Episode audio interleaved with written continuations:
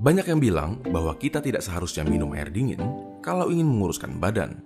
Masyarakat pada umumnya beranggapan kalau air dingin itu menyebabkan kita jadi gendut.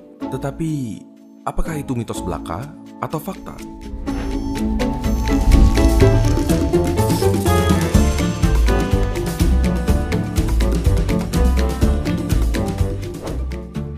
Tubuh manusia bekerja dengan sistem homeostasis. Tubuh selalu menjaga keadaannya dalam kondisi tertentu, seperti suhu tubuh pada sekitar 36,5 derajat sampai 37,5 derajat Celcius. Inilah mengapa kita menggigil pada lingkungan dingin dan berkeringat pada saat panas. Saat air dingin masuk ke dalam tubuh, lama-kelamaan suhu air itu akan naik mengikuti suhu tubuh. Makanya, air dingin tidak akan membuat kita gendut karena tidak semudah itu mengubah suhu tubuh kita.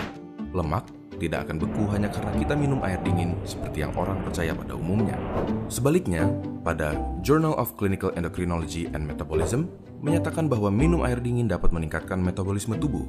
Selain itu, air mengandung 0 kalori, sehingga seberapa banyak pun air yang kita konsumsi tidak akan membuat berat badan naik. Pakar kebugaran pun banyak yang menyarankan untuk minum air dingin di pagi hari untuk meningkatkan metabolisme dan membakar kalori lebih banyak. Meskipun begitu, saat mencerna makanan, temperatur yang dingin membuat pencernaan berlangsung lebih lama sehingga makanan tinggal lebih lama di dalam usus terfermentasi oleh bakteri normal yang ada di sana dan menyebabkan kembung, sendawa, dan sakit perut. Penting untuk diketahui bahwa satu gelas air dingin tidak akan menaikkan berat badan, tetapi konsumsi minuman dingin dalam jangka panjang akan memperlambat pencernaan makanan dan mengganggu metabolisme dan mengakibatkan terjadi konstipasi dan perut buncit. Sekali-kali, minum air dingin tidak akan berdampak buruk pada kesehatan, justru membantu membakar kalori.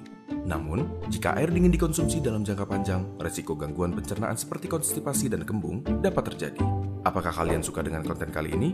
Bantu teman kalian memahaminya juga dengan membagikan video ini. Jangan lupa subscribe untuk mendukung keberlangsungan channel ini. Jika ada topik yang kalian ingin kami bahas, kalian bisa tulis di kolom komentar untuk kami lihat. Terima kasih dan sampai ketemu di video berikutnya.